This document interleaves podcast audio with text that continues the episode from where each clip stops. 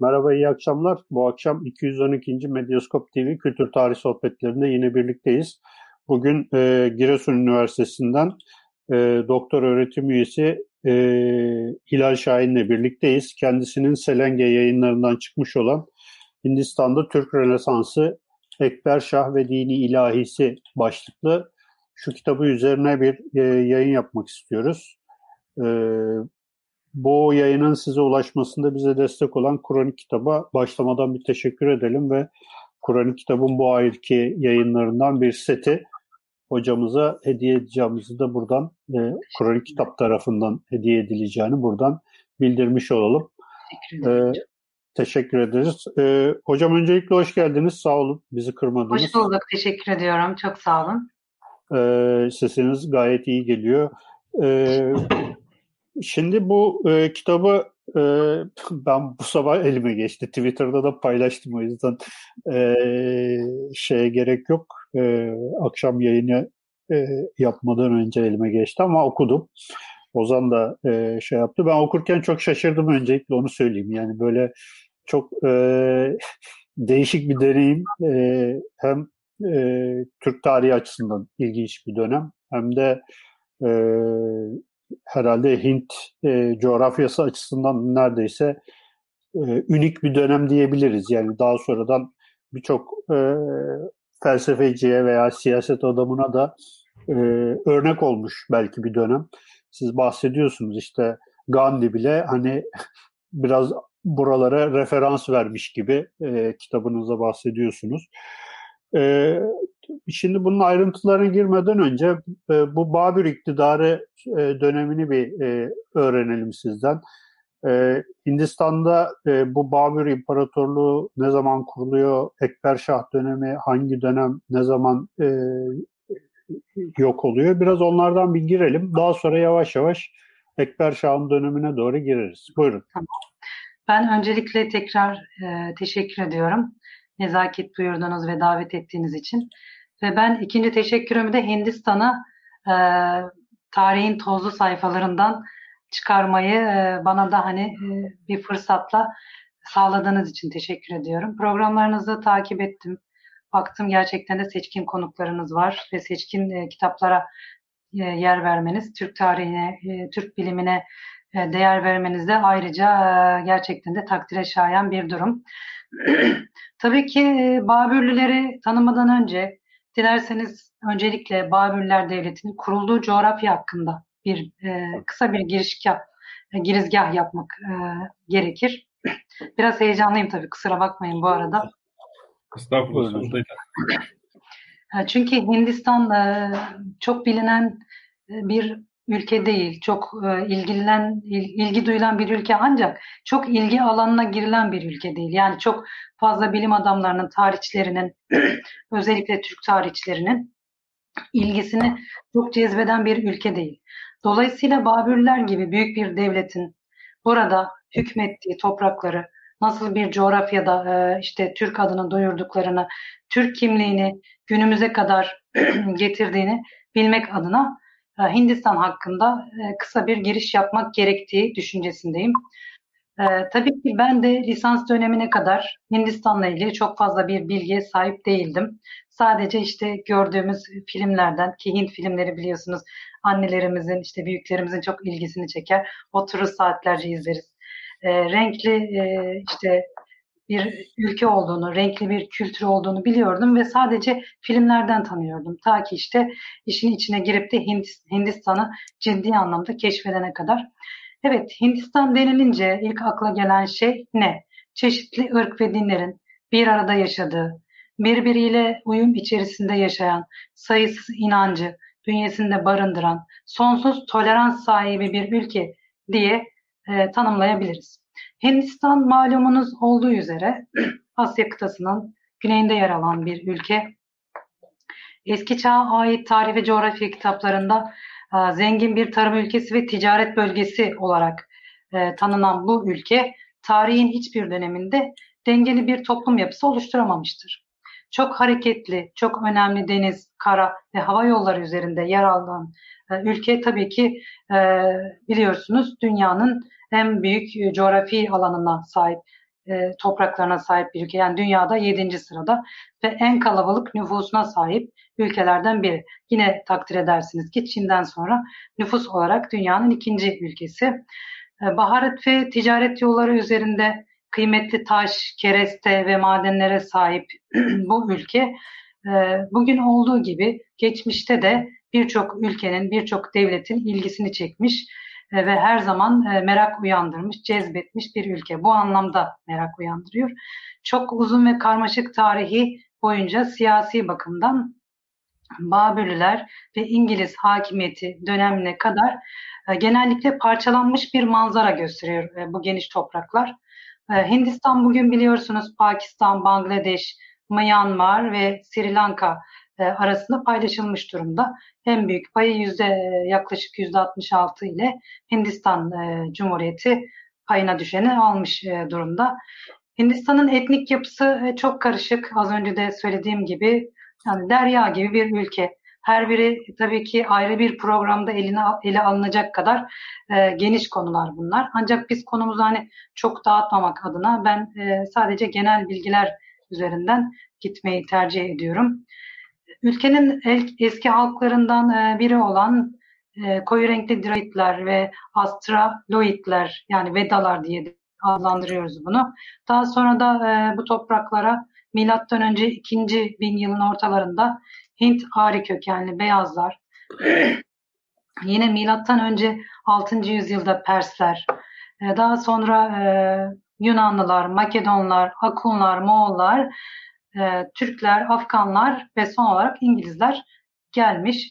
E, değişik ırk, dil ve dinden insanların gelişi ve tamamının veya da bir kısmının mevcut halkla karışarak e, buraya yerleşmesi Hindistan'ın zaten mevcut olan renkli görüntüsünü daha da renklendirerek e, büyük bir çeşitliliğe, büyük bir ne, ne denir e, puzzle'a dönüşmüş bir ülke diyelim. Yani karışık her bir puzzle'ın çok ayrı bir önemi var ve birini çıkarttığınız zaman nasıl ki o puzzle bütünleşemeyecekse Hindistan'ı da aynı bir puzzle gibi e, puzzle gibi bir bütün olarak ele almamız gerekiyor. Ülkede konuşulan dillerin sayısı e, kimilerine göre 1600 lehçe, kimilerine göre 1000 ya da işte 800 lehçe. Yalnız anayasada 22 tane resmi dili var Hindistan'ın. Yani 22 tane resmi dil. Bunlar tabii bölgesel diller. Bu resmi dillerin içerisinde Hindistan'ın genelinde hakim olan İngilizce, Hur, e, Urduca e, ve Hintçeyi tabii ki söylemek gerekiyor. Yani bütün Hintliler bu dilleri bilirler. Özellikle Müslüman kesim Urducayı konuşur ki Urducayı da e, Türk hükümdarlarının, Türk döneminin ortaya çıkarttığını hemen böyle dipnot olarak söyleyelim. Hintçeyi bütün Hintliler konuşur dediğim gibi. İngilizce de zaten e, anayasada belirlendiği için özellikle eğitim dili olarak e, bütün Hindistan'da zorunludur. En büyük din grubuna e, bakacak olursak dedim yani bir bütün Hindistan yani birini atlarsak eksik kalmış oluruz. Genel çerçeveyle dinlere de muhakkak değinmek gerekiyor Hindistan'ı tam anlamıyla anlayabilmek için. En büyük din grubu Hindular, nüfusun yüzde 83'ü. Ardından e, Müslümanlar, İslamiyet Hindistan'da ikinci sırada. Yani Türkiye'nin yaklaşık dört buçuk katı e, sanırım 250 milyon civarında ben şimdi Eskişehir'e göre söyleyeceğim. Şimdi 250 bin civarında Müslüman nüfusu barındırıyor. Ardından Sihler var yaklaşık yüzde iki. E, ardından Hristiyanlar yüzde bir nokta işte sekiz gibi bir e, oran söyleyebiliriz. Cainistler var e, Budistler var. Budizm de tabii Hindistan'da doğmuş ancak e, Hinduizme tepki olarak doğan dinlerden en başta Budizm Hindistan'da doğduğu halde Hindistan'ın böyle, e, tamamına hükmedememiş bir din e, ve Hindistan'dan sonra diğer ülkelere yayılmış bir din.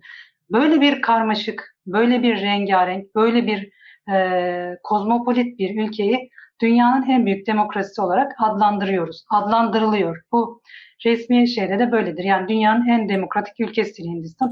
Hatta tabii ki şunu söylemek gerekiyor. Yani son zamanlarda basından takip ettiğimiz kadarıyla tabii orada bir takım Hindu-Müslüman çatışması işte ya da Müslümanlara yönelik bir takım e, faaliyetler var. Dolayısıyla yine bu istatistik verilere yansıyor ve dünyanın en büyük demokrasi ülkesi olmasından ziyade e, demokrasisi zarar gören bir ülke olarak da artık adlandırılmaya başlıyor. Dileriz bu demokratik görüntüsünü eski şeyine tekrar kavuşur Hindistan ve elde eder. E, tabii e, çünkü Hindistan halkı bunu istiyor. Yani Hindistan halkı hiçbir zaman etnik bakımdan bölünmeyi istememiş. Her zaman bir bütün olarak ele alınmış.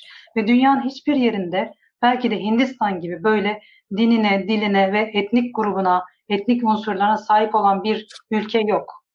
Yani böyle bir e, karışıklığı, böyle bir farklılığı bünyesinde barındıran hoşgörü ülkesi yok belki de dünyada. Ee, evet, e, gördüğümüz üzere etnik yapısı, kültür mozaiği, işte tabii ki e, doğal olarak gelenekleriyle rengarenk bir ülke. Hindistan halkı hemen hemen hiçbir devirde komşu ülkeleri ele geçirme, dışarıya yayılma eğilimi ve gayreti içerisine girmemiş. Bu da çok ilginçtir. Buna karşılık konuşmamın başında da söylediğim gibi sürekli dışarıdan, özellikle kuzeyden e, ve kuzeybatıdan e, burada yer alan geçitler vasıtasıyla bir göç alıyor. E, bunları bazen istila, bazen işte e, akınlar şeklinde değerlendirmemiz mümkün. Bu göçlerle birlikte yine e, biraz tekrara düşmüş olacak ama kültür mozaiği daha da çeşitlenmiş oluyor. E, Hint kültürünün de tabii en az 3000 yıldan bu yana devamlılık göstermesi bu göçlerin bir sonucu olarak değerlendirilebilir. Dolayısıyla çeşitli dönemlerde bu ülkeye gelerek yerleşen Hindistan dışından gelen yabancılar e, Hindistan tarihinin de en belirleyici unsurlar olmuştur. Bunlardan birisi de hiç şüphesiz Türklerdir. Bilindiği üzere Türkler Hindistan'ı asırlarca yönetmiş. Bin yıla yakın bir Türk varlığından söz ediyoruz Hindistan. Hindistan deyince. Tabi bu bin yılın biz kaç yılını biliyoruz? Bu da çok e, tartışılır bir konu. Yani Hindistan gerçekten de e, ayrı ayrı ele alınacak birçok şeyi bünyesinde barındırıyor. Hani bizler e, eğitim e, şeyimiz boyunca, hayatımız boyunca Hindistan'a dair çok fazla bir şey öğrenmedik. Dediğim gibi ben lisans dönemime kadar Hindistan'da Türk tarihine dair çok fazla bir şey bilmiyordum. Bildiğimiz bir Gazneliler'deki Gazneliler'de Hindistan'da kurulmuş bir devlet değil. Hindistan'a Afganistan'dan gelmiş bir e, Türk devleti e, ve orada yani kurulmuş devletler bazında biz belki de bir Babür Şah'ı duymuşuzdur öyle işte eserlerinden filan.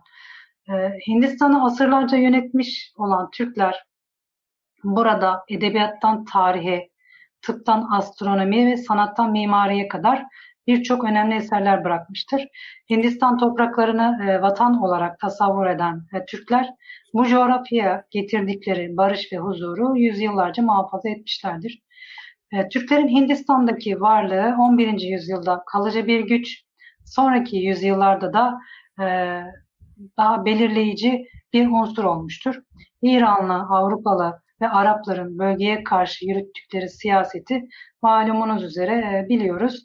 Ancak yani bilmeyen ya da işte unutan izleyicilerimiz, öğrencilerimiz adına onların genelde Hindistan'a girişleri bir sömürgeciliğe dayanırken Türklerin Hindistan'a yeni bir yurt edinmek amacıyla gelmiş olduklarını hatırlatmak gerekir. Hindistan'ın Türk hükümdarlarının yönetiminde birleşmesi yeni bir dönemin açılmasının olumlu gelişmelere vesile olduğunu e, yine e, söylememiz ya da işte altını çizmemiz gerekir. Hindistan'a e, vatan olarak tasavvur eden Türklerin bu bağlamda evet ülkenin kalkınmasına ciddi anlamda katkıları olmuştur. Kaçınılmaz bir şekilde bu süreçte Türk ve Hint kültürü arasında çift yönlü etkileşimler olmuştur. Hatta bu etkileşim Mahatma Gandhi tarafından şöyle ifade ediliyor.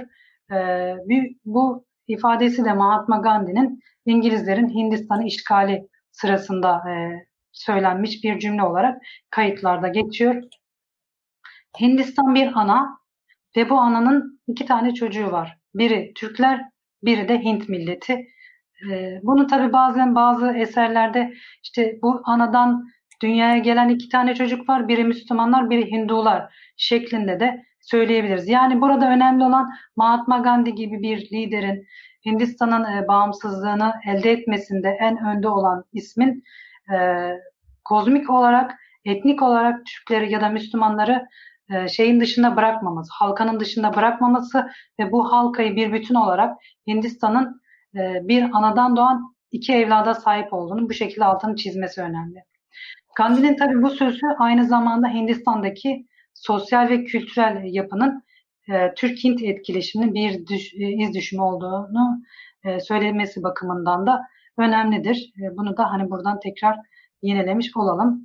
E, Anadolu'da e, Türk tarihinin en uzun dönemini teşkil eden Osmanlı Devleti'ne Hint Türk tarihinde Babürler çağdaşlık etmiştir. Yani Osmanlı İmparatorluğu nasıl dünyanın en büyük imparatorluğu ise döneminde Hindistan'da da Babürlüler e, dünyaya e, adını duyurabilecek kadar büyük bir imparatorluk kurmuşlardır. Farklı bölgelerde olsa da yeni çağda Türk dünyasının en kuşkusuz iki büyük devleti, iki güçlü devletidir. Osmanlı Devleti ve Babürlüler Devleti. Buna karşın e, konuşmamın başında da belirttiğim gibi Türk tarih yazıcılığının Türk tarihini bir bütün olarak ele almak yerine e, dönemsel ve coğrafi bakımdan incelemesi Babürler gibi önemli Türk devletlerinin araştırılmasının göz ardı edilmesine neden olmaktadır. E, Babürler hakkında yapılan araştırmaların yetersiz olması hasebiyle e, bizler de çalışmamızda bu döneme e, geniş yer verme yolunu tuttuk. Hindistan Türk tarihinin Hindistan'daki yani tabii ki o bölgedeki son halkası Babürlerin dönemine de bu çalışmamız önemli ölçüde ışık tutacaktır düşüncesinden yola çıktık. Türklerin Anadolu'ya girişleriyle Hindistan'a girişleri aslında hemen hemen aynı e, tarihlere e, geliyor. Ancak tarihçilerimizin Hindistan Türk tarihini görmezden gelmesi dikkat çekilmesi gereken bir konu. Bu anlamda o yüzden size e, konuşmam başında teşekkürü gerçekten de bir borç bildiğimi e, söylemek istedim. Yine teşekkür ediyorum.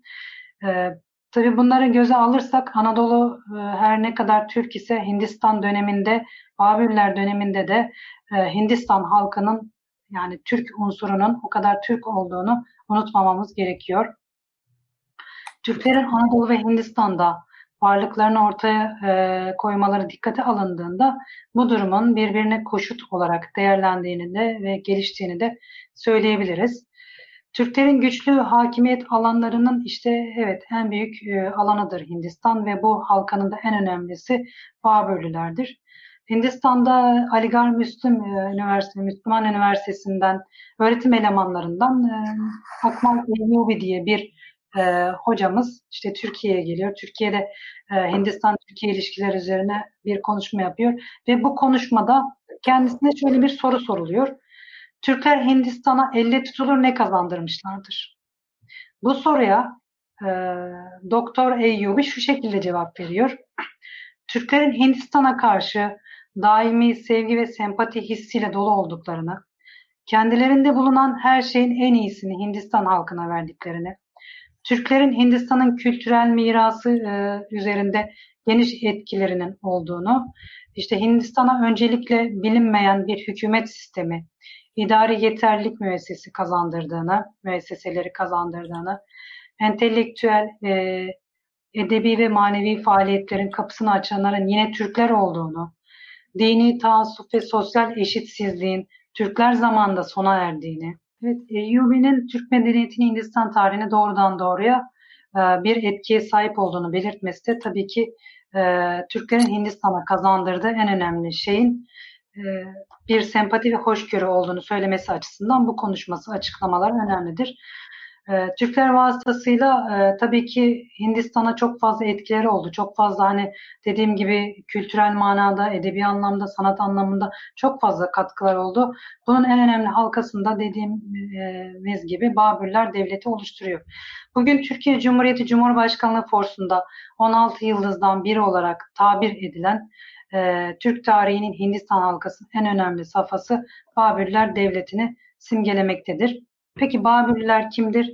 1526 yılında Zahrettin Muhammed Babür tarafından e, kurulan devlet Hindistan'a devlik ve düzen getirmiş, yapılan yenilik ve e, düzenlemelerle günümüz Hindistan'ın temellerini oluşturmuştur. Türk, Türklerin ilk ana yurdunun ve dünyanın en eski medeniyet merkezlerinden birinin Türkistan olduğunu biliyoruz. Babür Şah da Türkistan'dan gelmekte ve Özbekistan sınırlarında yer alan Enlica'nın e, Fergana vilayetinde doğmuştur. Türk ve Müslüman bir devlet adamıdır. e, Babür Şah babası tarafından Emir Timur'a, annesi tarafından Moğol İmparatorluğu'nun kurucusu Cengiz Han'a dayanmakla birlikte alttan bir Çağatay Türküdür. Babası dönemin Fergana valisi Ömer Şeyh Mirza, annesi Yunus Han'ın torunlarından, pardon Cengiz Han'ın torunlarından Yunus Han'ın kızı Kutluk Nigar Hanım'dır. Yani Timur'un 5. nesilden torunu olan Babür Şah, Cengiz Han'ın da 13. nesilden torunudur. Böyle e, büyük bir e, nesebe sahip bir hükümdar. E, babasının vefatı üzerine 12 yaşında tahta çıkıyor ve Fergana hükümdarı oluyor ilk etapta. 1500 yılına kadar Fergana ve Semerkant'taki hakimiyetlerini korumak için çalışıyor Babür. Daha sonra e, yönünü Hindistan'a çeviriyor. Babür Şah'ın siyasi mücadelelerine tabii ki girmeyeceğiz. Çünkü e, girersek çıkamayız. Ancak üç bölümde ele alabiliriz. Fergana hakimiyeti, Kabil hakimiyeti ve Hindistan hakimiyeti. Hindistan hakimiyeti 1526 ve 1530 yılında Babür Şah'a tanıklık etmiş. Babür Şah kesin ve e, Büyük Hindistan seferini 1526 yılında Panipat Zaferi ile e, taçlandırmıştır. Yani 1526 Malazgirt Savaşı ile aslında aynı öneme sahip Hindistan'ın Türklere kapağını, kapısını açtığı önemli bir zaferdir. Yani savaşın zafere döndüğü bir noktadır, dönüm noktasıdır. E, Babür Şah e, Panipat zaferi dahil olmak üzere bütün e, savaşlarına, seferlerini e, kendine değil de inancına bağlamakta ve şöyle demekte. Bu benim kuvvetim değil, Allah'ın bana e, ihsanıdır şeklinde bu şekilde de dini e, bağlılıklarını her zaman dile getiren bir e, Müslüman hükümdardır. E, Babür Şah'ın tabii ki özellikle Ekber Şah geçebilir miyiz? Ekber Şah dönemine geçebilir miyiz? Ya bir topar yani şey yapalım da Ekber Şah ve e, burada dini ilahi neden kuruyor? Oralara e, geçebilir miyiz acaba? Tabii ki geçebiliriz ama Ekber Şah'ı tanımak için atasını da hani bilmemiz gerekirden yola çıkarak böyle birkaç e, şeyle anlatmak ihtiyacı hissettim. Babür Şah, işte Babür Şah'ın oğlu ve e, dolayısıyla Ekber Şah'ın babası Hümayun Şah'a da değinmek gerekir ama siz nasıl arzu ederseniz tabii ki. Yani öyle. Yani şey e, Ekber Şah konusunda e, gelebilirsek Ekber Şah ve dini ilahi e, yani bunu kurmaya iten sebepler neler? Çok ilginç çünkü Ekber Şah'ın e, dini ilahisi ve o dönemki yaptıkları onlara e, bahsedebilirsek çok güzel olur. Tamam, e, o zaman öncelikle Ekber Şah'ı bir tanıyalım. Hani kimdir, e, nasıl bir hükümdardır. Ondan sonra dilerseniz dini ilahisine bir geçiş yapalım. Evet, Ekber Şah, e, Babür'ün oğlu Hümayun Şah'ın e, oğludur, torunudur yani Babür Şah'ın. Babür Devleti'nin en güçlü hükümdar olarak bilinir. Asıl adı Ebul Fetih Celaleddin Muhammed Ekber'dir. Ee, Ömer Kot da dünyaya gelmiş. Pakistan'ın Sint eyaleti bugünkü yani şeyine göre söylersek. Ee, Ekber Şah'ın Hindistan'da gerçekleştirdiği birçok reform ve dolayısıyla dini reformu da onun büyük bir idareci olarak tanınmasına yol açmıştır. Babürlerden e, tabii ki çok fazla hani bahsetme şeyimiz olmadı zamanımız e, kısıtlı olduğu için Babür şey Ekber Şah e, öncesine çok değinemedik ancak e, Ekber Şah yönetimi devraldığında e, Hindistan tahtı, Hindistan sahası daha doğrusu e, karışık siyasi anlamda, ekonomik anlamda kötü bir durumda ve Ekber Şah biraz da e, o dönemin kurtarıcısı olarak e, değerlendirilebilir. Öyle nitelendiriliyor zaten. Ekber Şah 12 yaşında babasının ölümünden sonra yani bu 14 yaşında olarak da bazı şeylerde geçiyor. Hindistan tahtına geçiyor. Hatırlarsanız Babür Şah 12 yaşında tahta geçti. Babası Ekber Şah'ın babası 11 yaşında ilk seferlerini yaptı. E, ve Ekber de e, yine küçük çocuk yaşlarda tahta geçiyor. Onun tabii ki çocuk yaşta e, tahta geçmesini fırsat bilen içte ve dışta siyasi karışıklıklar, iç karışıklıklar çıkarmak isteyen bir takım grupların vas vasıtasıyla Hindistan birçok anlamda karışık durumda. Ekber Şah'ı bu yönetimi e, esnasında yalnız bırakmayan Şii asıllı bir Bayram Han var. Bayram Han çok önemli bir devlet adamı, siyasetçi. Ekber Şah'ın zaman zaman akıl hocası olarak da karşımıza çıkıyor. E, belirli bir yaşa gelene kadar Ekber Şah 17-18 yaşlarına gelene kadar Bayram Şah ve ardından süt annesi olarak isimlendirilen Maham Anaga ya da Maham Anaga isimli şahıs yönetimi devralıyor. İşte yaklaşık 20 yaşlarında artık kimseye e, yer bırakmayacak şekilde Ekber Şah gücünü tam sağlayarak tahta geçiyor. Tabii Ekber Şah'ın çocukluk dönemine hani çok fazla girmeyeceğiz ancak iyi bir eğitim aldığını söyleyelim. 4 yaşında e, ciddi anlamda her anlamda eğitim almaya başlıyor. E, şunu da belirtmek gerekiyor ki eğitim alıyor ancak Ekber Şah okuma yazmayı bilmiyor, öğrenemiyor daha doğrusu. Onun e, distektik hastalığının olabileceği rivayet ediliyor. Bir hükümdarın tabii ki bir okuma yazma bilmemesi e, biraz eleştiri konusu olsa da böyle bir sıkıntısının hastalığının olduğunu düşünerek ve Ekber Şah'ın engin hoşgörüsünün işte evrensel bakış açısının okumaya, eğitime, e, her şeye verdiği değeri düşündüğümüzde bu gerçekten de çok şaşırtıcı durum olarak e, kaynaklarda yerini alıyor. Küçük yaşlarda felsefe, ilahiyat ve din hevesi var.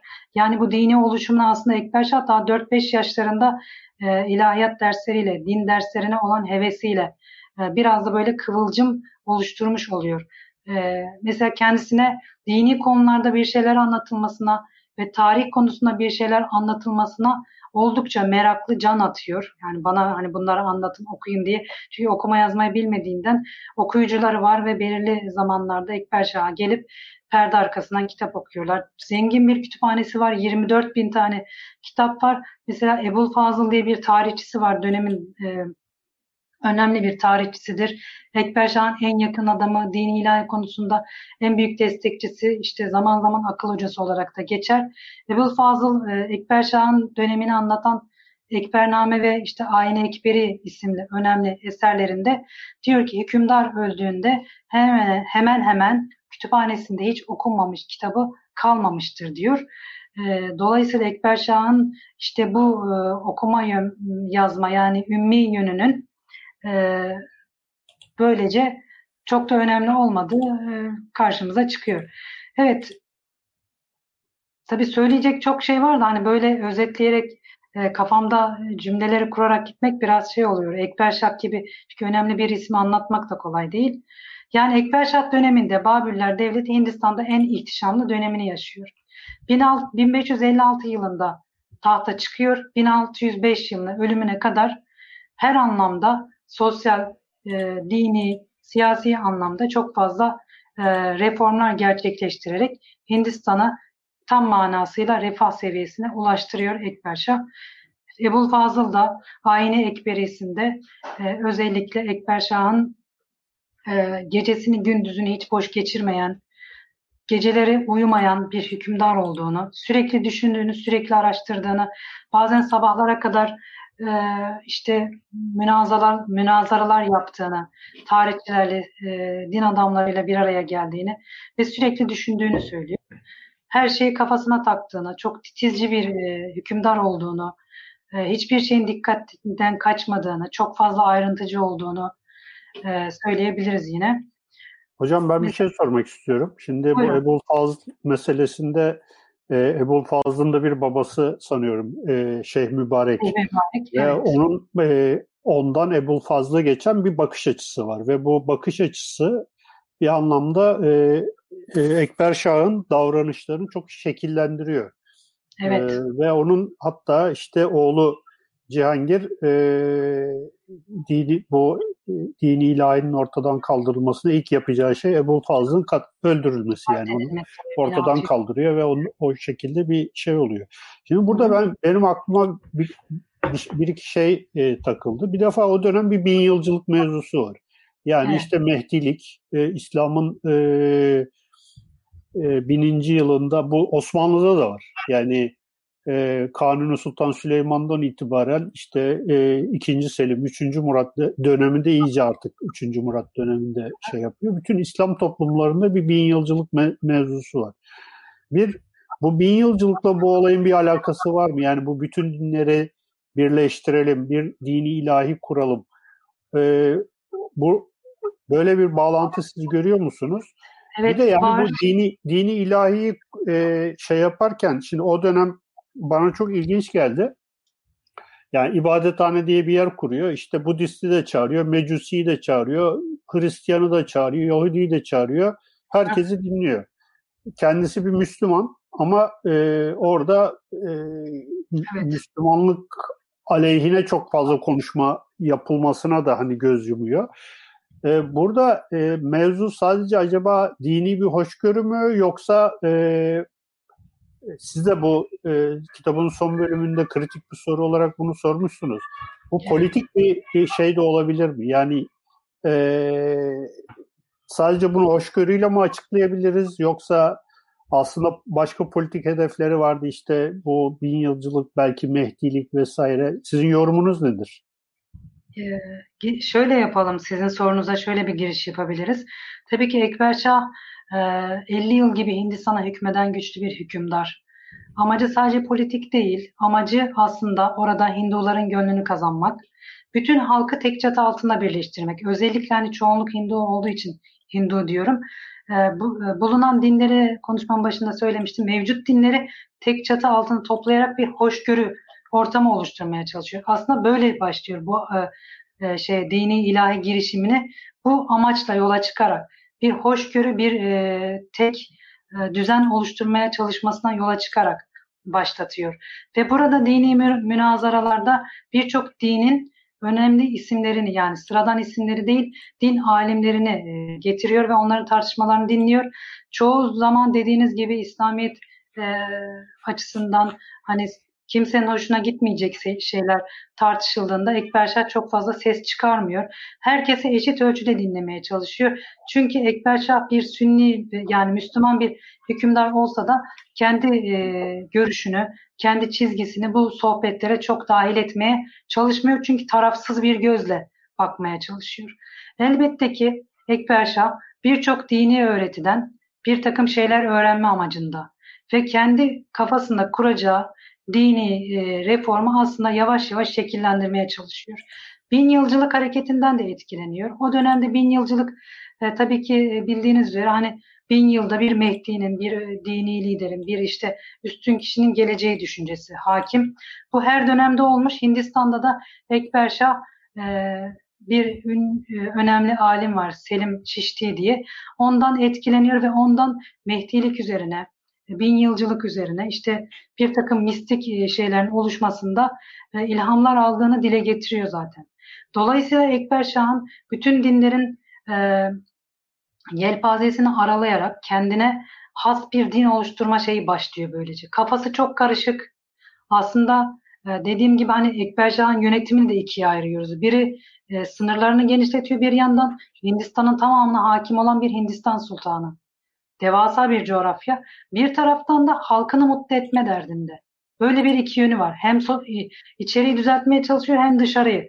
İçeride aslında e, mutlu bir halk var ancak dini anlamda bir bak bakıyor ki herkesin ibadet şekli farklı. Herkes bir taraftan bir şeyler yapmaya çalışıyor. Yani dini açıdan. Ekber Şah bu karışıklığı yani ona göre bu karışıklığı e, tek çatı altında toplayarak bir anlamda kendini politik e, şeyde de Hindistan'ın kalıcı gücü haline getirmeye de çalışıyor. Aslında Ekber Şah zaten güçlü. Böyle bir şeye ihtiyacı yok. E, ancak tabii ki bu konuda tarihçiler de, ilahiyatçılar da, araştırmacılar da bölünmüş durumda. Yani Ekber Şah'ın gerçek amacı neydi? E, tabii ki onun dönemine göre değerlendirmek gerekiyor bu şeyleri, konuşmaları. Hani e, bugünkü bakış açımıza göre değerlendirirsek eleştirebiliriz de. Çünkü herkesin dinine dokunmak e, çok e, yani herkesin dinini bırakın bir dine müdahale etmek çok zordur. İnsanların dinini değiştirmesini beklemeniz imkansız bir durum. E, ancak Ekber Şah hükümdarlığın verdiği bir güçle bir dini girişime kendini hazır hissediyor. Münazaralarda işte e, ilahiyatçıların yani İslam e, ulemasının, işte Hristiyan cizvitlerinin, canistlerin önde gelen e, liderlerini, sih gurularının tartışmalarını dinliyor ve bu tartışmaların kavgaya dönüştüğünü görünce gerçeklik nerede diyor. Yani hiç kimse bir gerçeklikte buluşamıyor. Hiç kimse bir doğru noktada buluşamıyor. O zaman gerçek nerede diye kendisine sormaya başlıyor. Herkes bir yaratıcıya inanıyorsa diyor. Neden yaratıcıya giden yol farklı olsun diye bu farklılığı ortadan kaldırmaya çalışıyor. Hani bu farklılığı ortadan kaldırmaya çalışırken de tabii ki uyguladığı yöntem yolu tartışılır. Dediğim gibi bu yönde Ekber Şah hani bundan sonra da söyleyeceğiz de karşı çıkanların başında İslam uleması geliyor. Onlar İslamiyet'in tahrip edildiğini, Ekber Şah'ın işte Hindulara daha çok tuttuğunu, e, yeri geldiği zaman İslamiyet'e karşı hakaretvari sözlerin Ekber Şah tarafından reddedilmeye çıkmadığını filan söylüyorlar. Ancak dediğim gibi Ekber Şah e, hiçbir şekilde yani benim e, ben olumlu olumsuz her şeyi kitaba eklemeye çalıştım. Ekber Şah dine küfredilmesine de İslamiyet'e laf söylenmesine de hiçbir şekilde çok fazla müsamaha göstermiyor.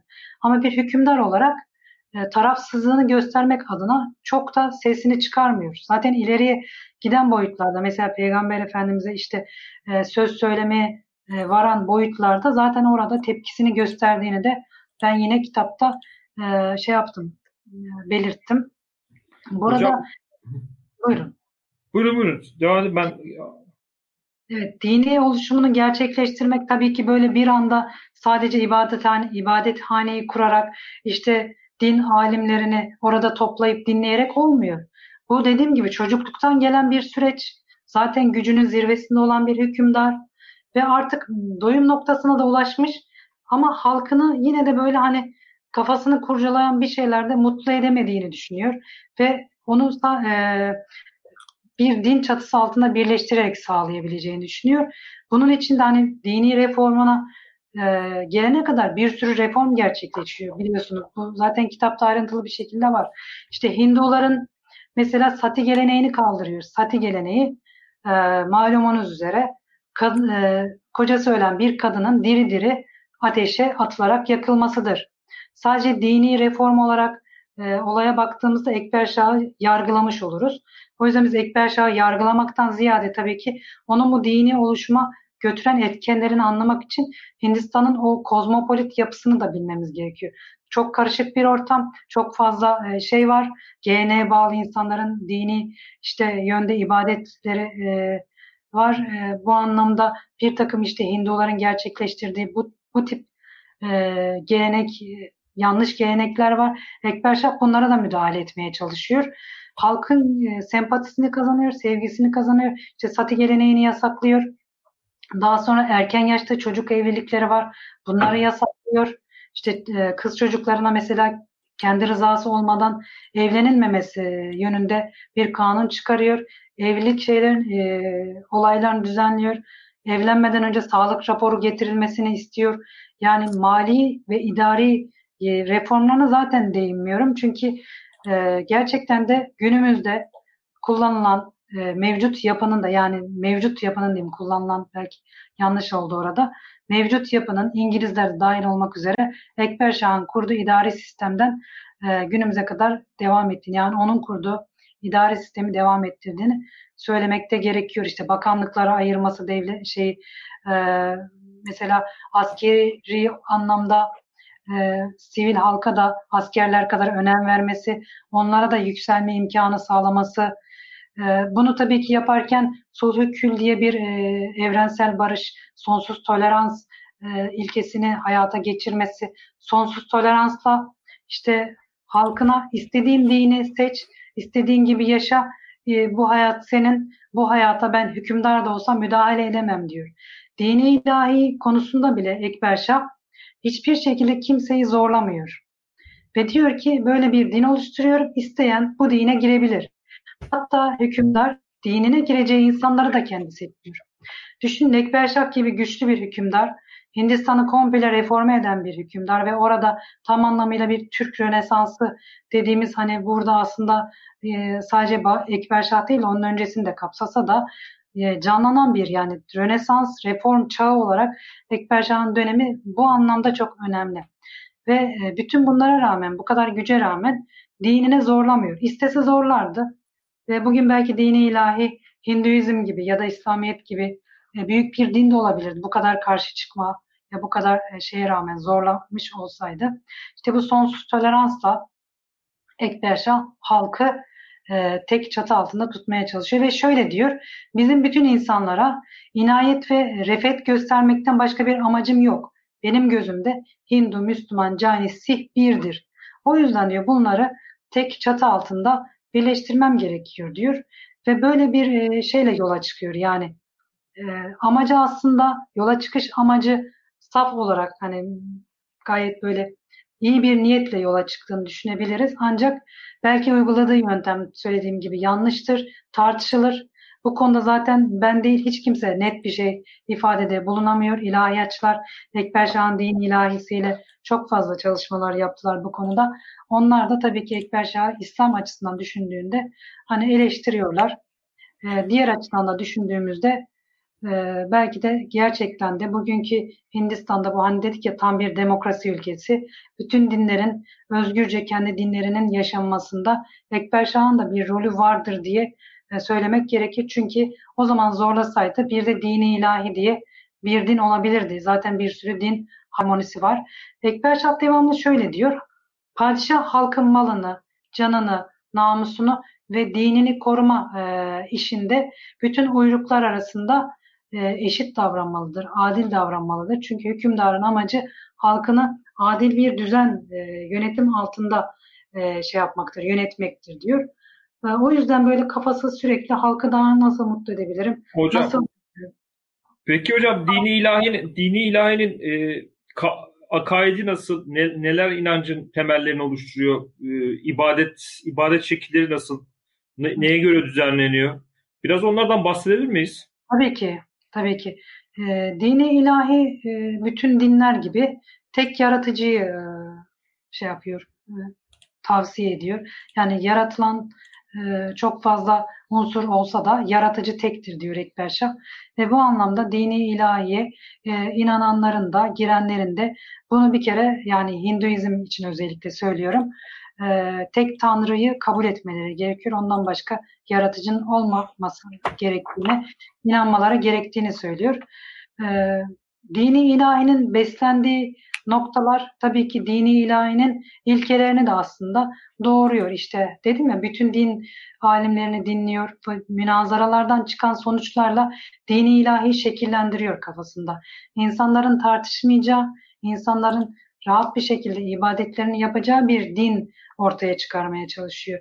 İşte Hinduizm'den mesela Hinduların gönlünü kazanmak için ve onları dini ilahiye e, daha rahat bir şekilde sempati duymalarını sağlamak için mesela inek yememeyi, inek etinin işte e, sarayda yasaklanmasını alıyor dini ilahi.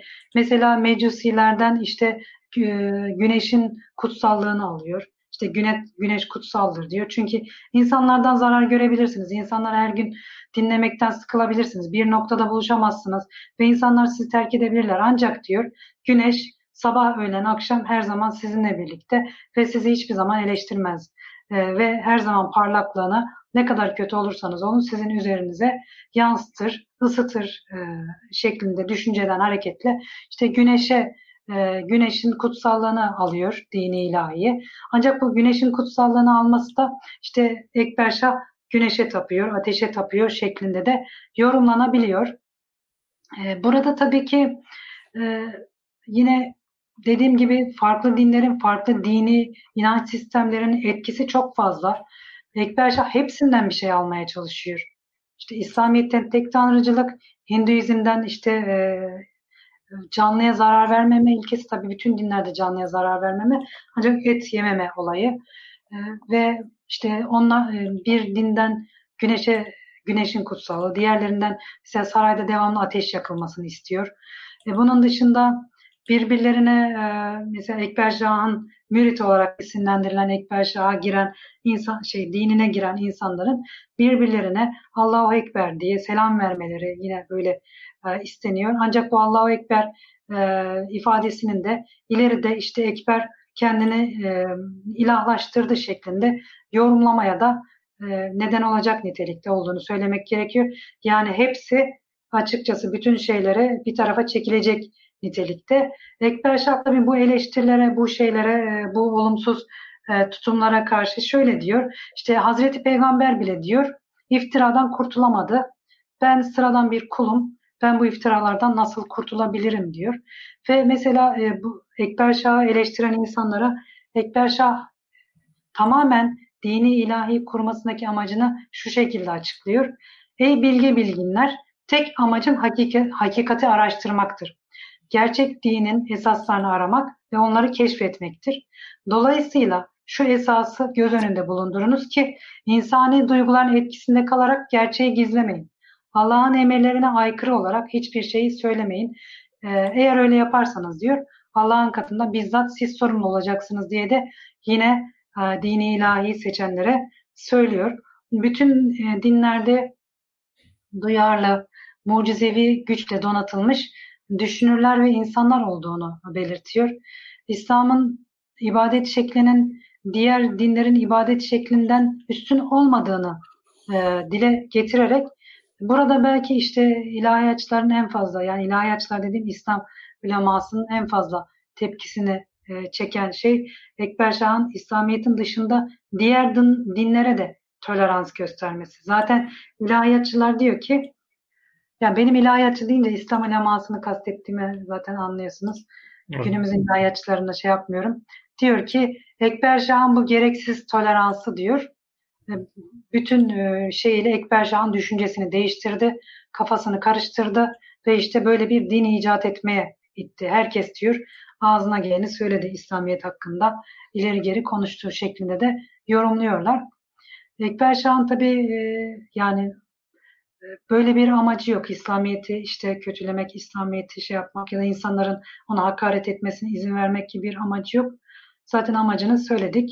Mesela Ekber Şah'ın e, dini ilahisi hakkında ve dini ilahisinin gerçekleşme safhasında, öncesinde gerçekleşen bu ibadethane toplantıları hakkında en büyük tarihçisi olan Allame Ebul Fazıl ki Ekber Şah dini e, girişim konusunda en çok etkileyen, belki de olumsuz yöne gitmesini sağlayan bir isimdir. Çünkü Ekber Şah'ın okuma yazmayı öğrenememesi altını çizerek söylüyorum. Bu anlamda biraz e, kenar, etrafındaki insanların elini kuvvetlendiriyor ve Ekber Şah'ı sanki hani nereye çekersek oraya gidebilecek tarzda bir e, konuma getiriyor. Aslında öyle değil. Düşünen, araştıran ve çok zeki biri.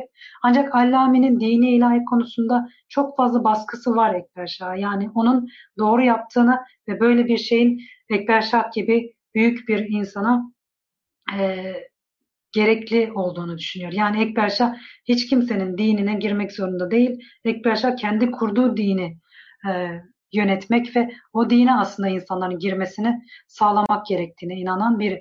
Diyor ki işte e, Ebul Fazıl aslında bu toplantılarda Allah'ı bilmek ve ona tapmak ya da tapınmak ziyafeti yaşandı.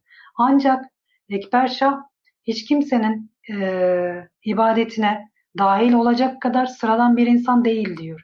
O işte zamanın e, müçtehidi, asrın uleması, İslam'ın uleması, e, Hindistan'ın dini lideri. Yani o kadar çok şeyler getiriyor ki Ekber Şah. Böyle e, şeye çıkarıyor Ekber Şah ve ister istemez Ekber Şah da e, bu şeylerden etkileniyor. Etrafındaki iltifatlardan, söylem şeylerinden zaten güçlü birikimler. Dolayısıyla bu dini girişimde böylece gerçekleşmiş oluyor. Tabi bu yine dini girişimin hani siz beslenen şeylerini devam ederken araya hani e, diğerlerini de katmak gerektiğinden yola çıkarak biraz konuyu dağıtmış olabilirim ama Yok yok e, hocam. Peki hocam bu te- tepki, tepkiler var mesela bu özellikle e, İslam dünyasında İslam düşüncesinde özellikle e, bilinen İmam Rabbani var. E, ve İmam Rabbani'nin e, Ekber Şah'a karşı bir de şey var. E, nasıl diyelim e, taarruzu mu diyelim e, İslam evet, evet. İslam Hı. düşüncesine savunması açısından. Oradaki şeyler gelen tepkiler nasıl? Çünkü bir yandan bakıyorsunuz yani Hindistan gibi yani ben aslında bir yandan da şey Ekber Şah'ı çok da şey görüyorum böyle haklı görüyorum. Nihayetinde çok çok karışık ya. Yani mesela Osmanlı evet. coğrafyasıyla Balkanlarla falan karşılaştığınız zaman yani birbirine yakın dinler. Yani mesela Hristiyanlık ve İslam aslında tek tanrılı olmalarının yanında e, ilahiyat olarak da birbirlerine çok yakın dinler ve e, belirli bir harmoni içinde yaşayabiliyorlar. Fakat Hindistan gibi bir yerde bu tarz bir e, dini şeyin nedir atılımın böyle bir e, filizlenmenin olması bana çok şey geliyor. Kitap okurken yani cidden e, başka başka türlü olamaz yani diye düşünüyorsun. O, o kadar çok kültürlülük, çok farklı e, unsurları bir araya getirmek ancak e, bir bir şeyde nedir? Başka bir üst bir şey nedir? Üst bir unsurda birleştirip hareket etmek de olabilir diye düşünüyorum. Ama e, nihayetinde e, orada da kuvvetli bir şey geleneği de var. İslam bir gelenek de var. E, bunlarda evet. tepkiler neler? Bu şeye karşı ilah, dini ilahiye karşı tepkiler neler ve sonrasında e, dini ilahinin akıbeti ne oluyor? Evet, e, güzel bir yere temas ettiniz. Böyle karışık bir ortamda böyle bir şey yapmak. Aslında Ekber Şah e, hani çılgın bir hükümdar. Ve gerçekten bunu gerçekleştirmek ancak çılgın birinin yapabileceği ve kendine çok güvenen güçlü birinin yapabileceği bir eylem. Çünkü sıradan bir eylem değil. İnsanların en hassas noktasına dokunuyorsunuz, dinine. Hiçbir şekilde mezhepler arası bir çatışmayı bile kabul etmeyecek tarzda siz yeniden bir din oluşturma ve insanları dinlerinden vazgeçip böyle bir dine girmeye sevk etme yoluna baş koyuyorsunuz. Bu büyük bir cesaret, büyük bir çılgınlık. İşte Ekber Şah e, gerçekten de bu anlamda çok güçlü bir isim. Buradan zaten gücünü anlayabiliyoruz. E, ancak tabii ki bu e, dini girişimi evet İmam Rabbani gibi önde gelen alimlerin ve dolayısıyla başka alimler de var. E, çok fazla hoş karşılanmıyor ve diyorlar ki Ekber Şah sanki her dine girmiş gibi, herkesin görüşünü kabul etmiş gibi ancak diyor hiçbir dini de kabul etmiş etmemiş gibi davranıyor. Yani biz Ekber Şah'ın tam olarak ne yaptığını anlayamadık. Amacını tam olarak anlayamadık e, diye de böyle yorumlar yapılıyor. İmam Rabbani dönemin evet önemli bir uleması. O dönemde Nakşibendilik tarikatının da Nakşibendilik görüşünün de ya da Hindistan'da e, yayılmasında da önemli bir isim olarak yine bazı kaynaklarda karşımıza çıkıyor. Karşı çıkan İslam alimidir İmam Rabbani. Ancak o bile Ekber Şah'ın hiçbir zaman dinden yani İslamiyet'ten e, tamamen vazgeçtiğini söylemiyor ve onu hiçbir zaman dinsiz olarak nitelemiyor. Bu da çok önemli bir şey. Sadece Ekber Şah'ın yaptığı eylemin yani böyle bir dini girişimin çok yanlış olduğunu söylüyor ve e, bundan dolayı da e, Hindistan'ın birçok yerinde işte Ekber Şah'ın dinine girmeyin diye de Rabbani e, dolaşıyor ve anlatıyor. Böyle bir dine girerseniz işte dinden çıkmış olursunuz. İslamiyet'e e, küfretmiş, Allah'a şik, şik e, e, ne denir? İşte bir olmuş e, olursunuz e, gibi. Yani şirk koşmuşsunuz. E, evet, koşmuş olursunuz diye insanlara böyle temkinler e, şey yapıyor, veriyor, sohbetler yapıyor. Belki İmam Rabbani'nin bu tip sohbetleri olmasaydı dini ilahi Hindistan'da yayılabilirdi. Çünkü e, en çok İslam aliminin hani tepkisini çekiyor. Diğer dinlerden çok fazla şey kattığı için Ekber Şah dinine e, bu hani şeyleri zaten kitapta ayrıntılı bir şekilde ele aldım. E, dolayısıyla e, İmam Rabbani'nin tepkisi dini ilahinin bitmesinde çok önemli bir etkendir. Dolayısıyla Ekber Şah'ı destekleyen hani e, söylemiştik Allami, Feyzi, Mübarek gibi sarayın önde gelen e, isimleri var. 20 kişiyi geçmiyor zaten dini ilahi taraftarları. Bu insanların tepkisinin de şey ilgisinin de yetmediğini görüyoruz. Yani 20 kişiyle bir Hindistan gibi böyle bir coğrafyada bir din oluşturmak mümkün değil. Zaten Ekber Şah herkesi de dinine kabul etmeyen bir hükümdar. E, ve Ekber Şah'ın en büyük tarihçisinin işte az önce söylediğiniz gibi konuşmanın başında Allami'nin 1602 yılında Ekber Şah'tan sonra yerine gelecek olan oğlu Cihangir ya da Selim adıyla e, söyleyebiliriz tarafından öldürülmesiyle dini ilahi zaten şey yapıyor, son buluyor. Ekber Şah Allami'nin ölümünden sonra artık kendini şey yapamıyor, toparlayamıyor. Devlet işlerine çok fazla e, eğilemiyor ve dini e, girişimi konusunda da çok şey yapmıyor, artık uğraşmıyor. Ondan sonra da yerine gelen işte şeyler oğulları ve diğer e, hanedan mensupları da din ilahi tamamen ortadan kaldırıyorlar. E, etki şey olumsuz e, tabii ki tepkiler İmam Rabbani'nin dışında da var söylediğim gibi. Evet. Mesela Badayone diye bir e, önemli tarihçi var. E, Tevarih isimli önemli bir eser yazmıştır. O da Ekber Şah'ın dönemini anlatan önemli bir tarihçidir. Ancak Ebu Fazıl'la e, Badayuni'ni değerlendirdiğimizde ikisi birbirine çok zıt. E, Ebul Fazıl Ekber Şah'ı överken devamlı yani onu şey yaparken kitaplarında da e, övgüyle bahsederken hatta parantez içinde Allami yani Ebul Fazıl Allami Ekber Şah'ı tabiri caizse ilahlaştırmış. Ancak Badayani de diğer taraftan e, Ekber Şah'ı oldukça eleştiriyor. Yani yerden yere vuruyor. Ve Ekber Şah'ın ölümüne kadar e, Badayani e, yazdığı eserleri e, bastıramıyor. Onun ölümünden sonra. Yani bu iki kutup e, bilinmesi gereken iki isimdir. E, biri överken biri yeriyor.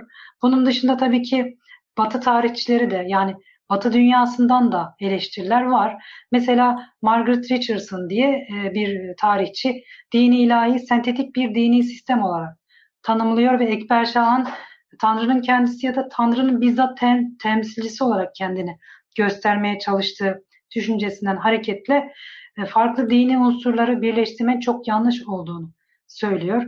İslamiyet'ten uzaklaştığını söylüyor. Mesela Hindistan tarihçisi Hikmet Bayur, e, Bayur'u tanıyorsunuzdur. E, Türkiye'de Hindistan tarihi alanında ilk ve kapsam, ilk ve tek kapsamlı ansiklopedik tarzda kitapları yazan isim. O da Ekber Şah'ın dini uğraşlarının başlıca amacının Hinduların gönlünü almak ve onlarda İslam dinine karşı belki bir sempati oluşturmak e, ya da uyandırmak e, gerek uyandırmak olduğunu söyleyerek Ekber Şah'ın yolunun, gidişatının yanlış olduğunu söylüyor. Ee, tabii ki din adamları Ekber Şah'ın yeni dininin İslam dininden insanları uzaklaştırmak amacıyla ortaya çıktığı görüşünü e, oldukça hani fazla benimseyenler olduğunu e, yine söylemiş olalım. Yeni dini sistemin İslamiyet'in yapısını bozduğuna hükmediyorlar. E, yine e, işte Rabbani e, Hazretlerinin Ekber Şah'ı Müslüman diye nitelemesi de e, aklımızdan hani çıkmasın. Bunun dışında Dick Corlier diye e, bir isimden bahsedebiliriz. Rabbani'nin e, sık sık Ekber Şah'ın İslamiyet'e olan bağlılığını da dile getirdiğini söylüyor ve mesela şöyle bir ifadesinden bahsediyor. Corlier Rabbani'nin şu ifadesini şu şekilde e, ele alıyor. Hayatım boyunca yaptığım gibi Allah'a güvendim ve pek çok saatimi tek başıma dua ederek ne zaman kendimi endişeli hissetsem Allah'a sığındım. Buna ihtiyacım olan, bana ihtiyacım olan erdemi versin diye dua ettim şeklinde de duaların olduğunu Rabbani mektuplarında yazmış. Dirk Corlier da e, kitabında bu ifadeleri kullanmış. Ancak Ekber Şah hani bu kadar eleştiriye rağmen kendisinin dinsiz olduğunu ya da Müslüman olmadığını hiçbir şekilde söylemiyor. Hatta annesine diyor ki hürmetli annem sen gönlünü ferah tut. Ben Allah'ın dindar bir hizmetkarıyım. Ama onun sesini insanların gürültülü törenlerinden ziyade çölün sessizliğinde daha açıkça duyuyorum. Güneşe, aya ve yıldızlara baktığımda Allah'ın varlığını daha iyi hissettiriyorum şeklinde sözleri zaten Ekber Şah'ın İslamiyet'ten ayrılmadığının da bir işareti olarak kabul edilebilir, e, edebiliriz. Tabii pek çok uygulamasının İslami kurallara uygun olmadığını ve ona karşı yöneltilmiş suçlamaların da temelinde olduğunu söylemiş olalım. Dediğim gibi Allah Ekber sözünün Ekber Şah Tanrı'dır şeklinde yorumlandığı, yine ulema tarafından en fazla e, tepki e, şey duyulan sözüdür, cümlesidir. Aynı Ekberi'de Ekber Şah'ın İslam bıraktığına dair herhangi bir söz de yok. E, dolayısıyla biz Ekber Şah'ın yeni bir din kurmak istediğini biliyoruz ancak İslamiyet'ten çıktığını asla hani böyle söyleyemeyiz. Bunu iddia edemeyiz. Ee, Hocam diyor e... ki Ekber Şah, her kim ki yüreğinin doğruluğunu ve içinin bütün temizliğini e, hissederek bizim ayinimizi kabul ederse madden ve maddet manen e, yüreğindeki istekleri kabul edilecektir. Yani benim dinimi kabul edenlerin madden ve manen hükümdara e, e, ne denir? Boyun eğmesi gerekir. Yani siz madden bütün varlığınızı da hükümdara vereceksiniz. Manen de hükümdar ne derse bu şekilde kendinizi tam olarak bağlı hissedeceksiniz diyor.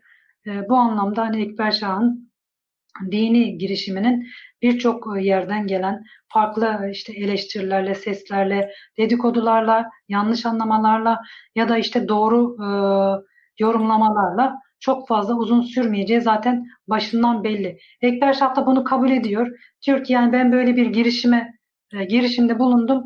Ancak diyor bunun başarısızlıkla sonuçlanacağını tahmin ederek böyle bir girişime bulundum, girdim diyor. Çünkü e, yeniliği seven, farklılığı seven, evrensel düşünceye sahip olan bir hükümdar. Bu anlamda dini girişimin başarısızlığını zaten e, kendi de biliyor yani başından ancak bir cesaretle, bir riske kendini e, atmış oluyor. Buyurun.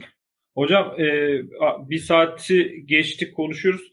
E, son e, toparlayacak olursak e, en son ne demek istersiniz? Ondan, ondan sonra da e, kapat, kapatıyoruz. Evet o kadar olmuş mu? Bayağı güzel geçti. Evet evet. Bir saat, Teşekkür bir ederim. saat.